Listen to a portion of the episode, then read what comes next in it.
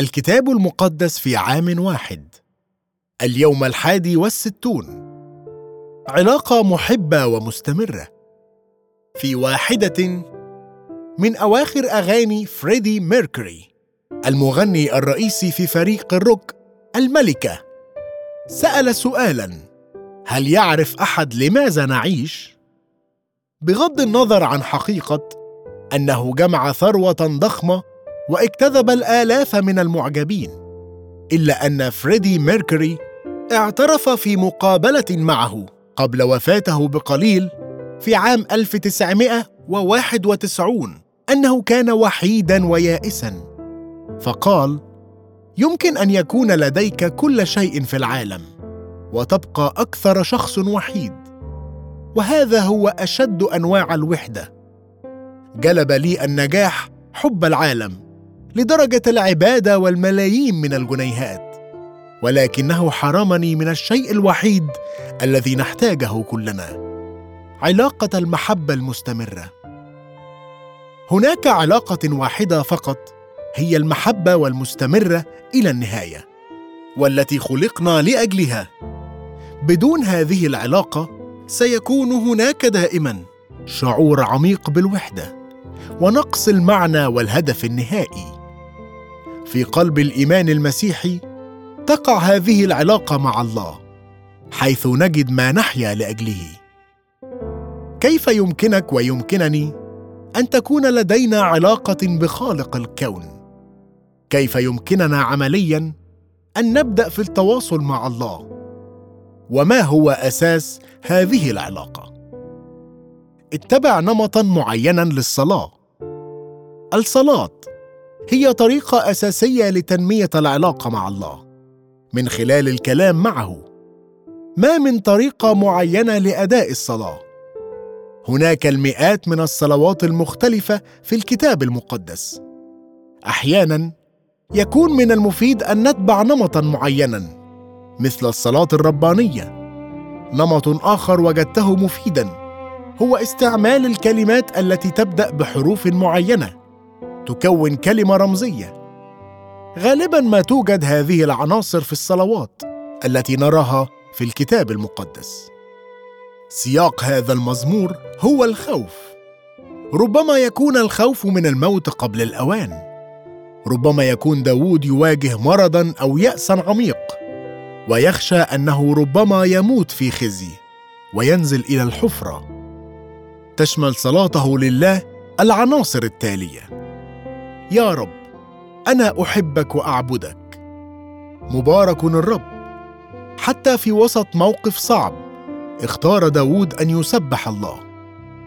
ايا ما كانت الظروف سبح الله لأجل من هو ولأجل ما قد فعل. نرى نموذجا آخر في فقرة العهد الجديد حين تعبد الناس ليسوع. اعترف. استمع صوت تضرعي إذ أستغيث بك. اطلب غفران الله على أي شيء خطأ فعلته. هذه أيضا لحظة تغفر أنت فيها لأي شخص يحتاج الغفران. كما يقول يسوع في فقرة العهد الجديد اليوم ومتى وقفتم تصلون؟ فاغفروا إن كان لكم على أحد شيء. لكي يغفر لكم أيضا أبوكم الذي في السماوات زلاتكم. سوف أقدم لك الشكر. ويبتهج قلبي وبأغنيتي أحمده. أشكر الله على الصحة والأسرة والأصدقاء وهكذا. يمكن رؤية أهمية الشكر أيضا في قراءة العهد القديم لليوم. اسمع تضرعي. استمع صوت تضرعي. إذ أستغيث بك. صل من أجل نفسك ومن أجل أصدقائك ومن أجل الآخرين. يقول داود بصورة مثيرة للاهتمام وأرفع يدي. يبدو هذا تقريبا أنه مرادف للصلاة. الأيدي المرفوعة في العبادة ليست فكرة حديثة فهي في الواقع واحدة من أقدم صور الصلاة. يا رب أنا أحبك أعبدك اليوم. مبارك الرب. أعترف بخطاياي لك. اسمع صراخي طلبا للرحمة واغفر خطاياي. سأحمدك لأنك صالح. أشكرك يا رب من أجل. ضع شيئا تريد أن تشكر الله عليه. اسمع تضرعي. اليوم أدعوك لأجل أن تعينني في. ضع طلبتك الآن. صلي بإيمان. هناك تأكيد مهم في العهد الجديد. أن يكون الإيمان هو أساس علاقتنا بالله من غير الممكن أن يكون لنا الحق تلقائيا في وجود علاقة بيننا وبين الله. لكنها عطية يتم نوالها بالإيمان. نرى في هذه الفقرة الأهمية التي يضعها يسوع على الإيمان. فقد قال ليكن لكم إيمان بالله وبالإيمان يمكنك أن تحرك الجبال. إن كنت لا تشك في قلبك بل تصدق. تستقر علاقة يسوع بالله وعلى الأخص من خلال الصلاة.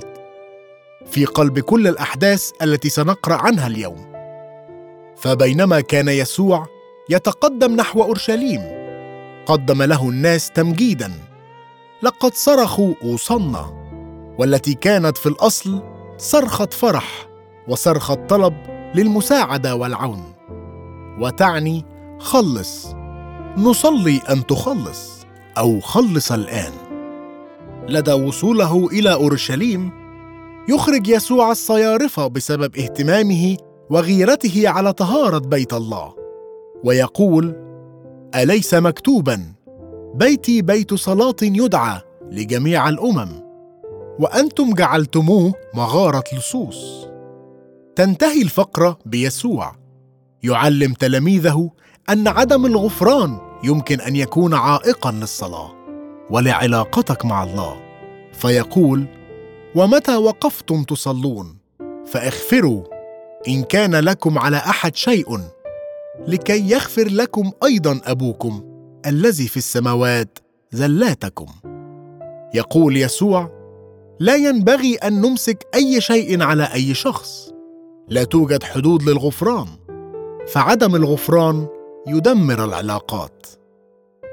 يتطلب الغفران أحيانا شجاعة عظيمة لكنه يسترد العلاقات ويجلب فرحا عظيما. يقال أن الأول في الاعتذار هو الأشجع والأول في الغفران هو الأقوى والأول في النسيان هو الأسعد. وإذ تشابكت تلك الأحداث بين يسوع قوة الصلاة في المثل العملي لشجرة التين. ومن خلاله يعلم تلاميذه عن أهمية الإيمان والثمر في علاقتنا بالله. كان لشجرة التين أوراق بلا ثمار. قال لها يسوع لا يأكل أحد منك ثمرا بعد إلى الأبد. أحب الطريقة التي تطبق بها جويس ماير هذا المثل. إن كانت حياتنا تدور حول الكنيسة ولكن ليس لدينا ثمر فنحن لا نعيش إيماننا. يمكننا أن نقرأ كتبنا المقدسة ونستمع إلى مدونات صوتية مسيحية ونذهب إلى اجتماعات صلاة ولكن ما لم يكن لدينا وقت لنساعد أي شخص آخر أو نظهر حتى التعاطف. فنحن مثل شجرة التين أوراق بلا ثمر.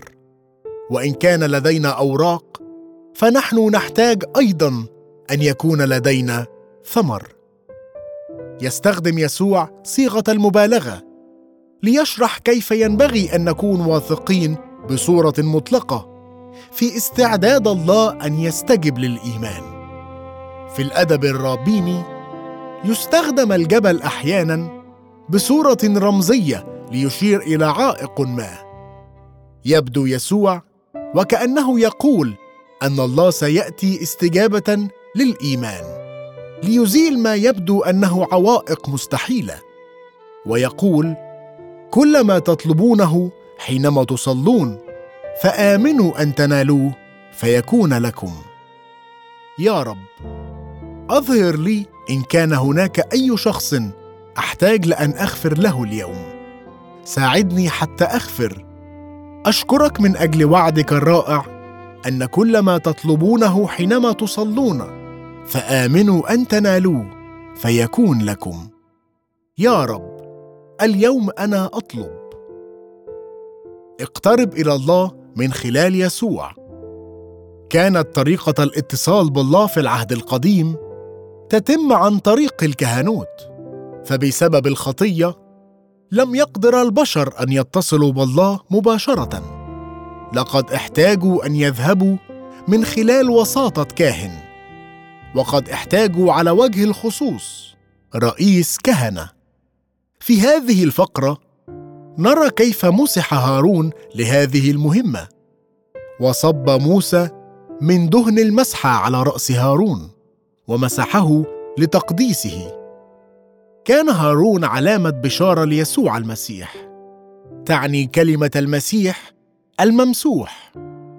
كان كهنوت هارون غير معصوم. كان عليه أن يقدم ذبائح لأجل خطاياه هو وكذلك لأجل خطايا الشعب. يسوع هو رئيس الكهنة العظيم. ومن خلاله يمكنك أن تتصل بالله بكل ثقة وتكون لك علاقة مباشرة معه. وكما يصف كاتب العبرانيين الأمر فإذ لنا رئيس كهنه عظيم قد اجتاز السماوات يسوع ابن الله فلنتمسك بالإقرار. لأن ليس لنا رئيس كهنة غير قادر أن يرثي لضعفاتنا بل مجرب في كل شيء مثلنا بلا خطية. فلنتقدم بثقة إلى عرش النعمة لكي ننال رحمة ونجد نعمة عونا في حينه. في الواقع بسبب ذبيحة يسوع لأجل خطاياك أنت في وضع أفضل حتى من كهنة العهد القديم. بالتوبة والغفران تتغير علاقتك مع الله تماما ويمكنك أن تأتي مباشرة إلى محضر الله. بالضبط كما كان كهنة العهد القديم يفعلون عندما يدخلون خيمة الاجتماع. لنتقدم بقلب صادق في يقين الإيمان. مرشوش قلوبنا من ضمير شرير ومغتسل أجسادنا بماء نقي. أشكرك يا رب لأنه من خلال يسوع يمكنني أن أقترب بثقة من عرش النعمة وأنال رحمة ونعمة. أطلب رحمتك ونعمتك اليوم يا رب في كل ما أقول وكل ما أفعل. ساعدني لأبقى قريبا منك وأسير في علاقة محبة مستمرة معك. أحب المزيج الذي يعني أن الله قوتنا وترسنا.